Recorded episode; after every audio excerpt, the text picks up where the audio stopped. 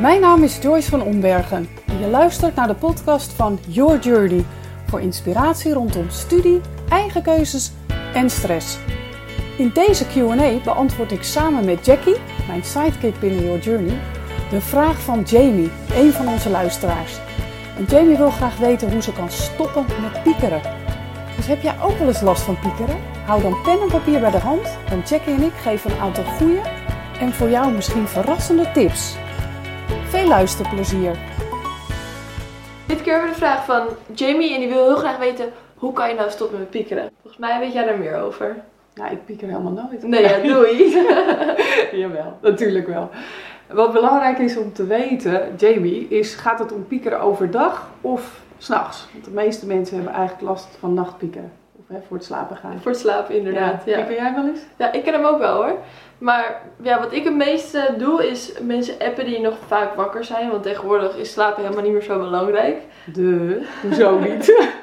Slapen doe je in de middag wel een keer. Oké. Of ehm, een film kijken.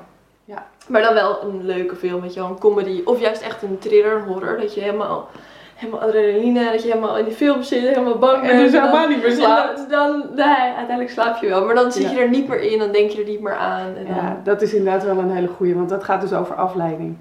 Als je afleiding zoekt, hè, dan stop je met piekeren. Vaak wel. Vaak wel. En eh, helaas werkt dit niet voor iedereen. Want er zijn ook wat, eh, wat gevoeligere mensen, daar ben ik er zelf een van. Zo'n horror of thriller zou voor mij dus echt niet werken. Ik slaap dan gewoon echt niet meer. Heerlijk. Ja, juist. nou ja, dat is, eh, het kan werken. Ehm, voor mensen die daar last van hebben, eh, kan het gewoon handig zijn om eh, een notebookje naast je bed te leggen. En eigenlijk gewoon alles op te schrijven waar je je druk om maakt. Letterlijk uit je hoofd schrijven. Ja, dat doen heel veel artiesten ook. Die, als ze dan een nacht niet kunnen slapen, dan gaan ze juist alles opschrijven. En daar Ja. komen vaak de beste albums en Klopt. liedjes van. Ja, dat is waar. Ja. En eigenlijk, dat is wel een mooie quote, want die komt misschien zelfs van een muzikant, weet ik niet. Maar eh piekeren is eigenlijk de verkeerde kant op fantaseren. Piekeren wordt inderdaad meer als negatief gezien. En fantaseren. Ja. Maar goed, als je echt last hebt van negatief piekeren, ja, dan kan het best wel een ding zijn waar je echt last van hebt. Ja. Dus ja, schrijven is een idee. Eh, verder, eh, ja, je kunt symbolisch eigenlijk je, je piekergedachten, je, hè, de negatieve gedachten, in een soort doosje doen en dat op slot doen. Slot, Ja.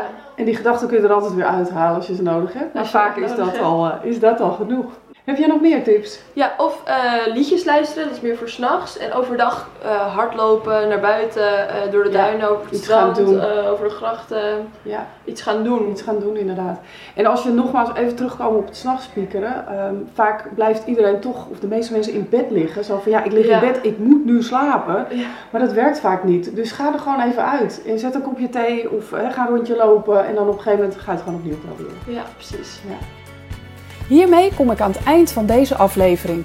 Ik hoop dat je iets aan onze tips hebt en ze gaat toepassen als je last hebt van piekeren. Heb je trouwens een vraag naar aanleiding van deze Q&A? Dan kun je me vinden op Instagram via yourjourney.a en joyce.reflects. Ik vind het superleuk om daar met je te connecten. Wil je meer van dit soort tips? Druk dan op de knop volgen van deze podcastserie. En ken je iemand voor wie deze aflevering interessant is? Deel hem dan via je socials. Ik zou dat enorm waarderen, want daarmee geef je mij namelijk de kans om nog meer jongeren te helpen bij het maken van eigen en gezonde keuzes. Bedankt voor het luisteren en tot de volgende keer.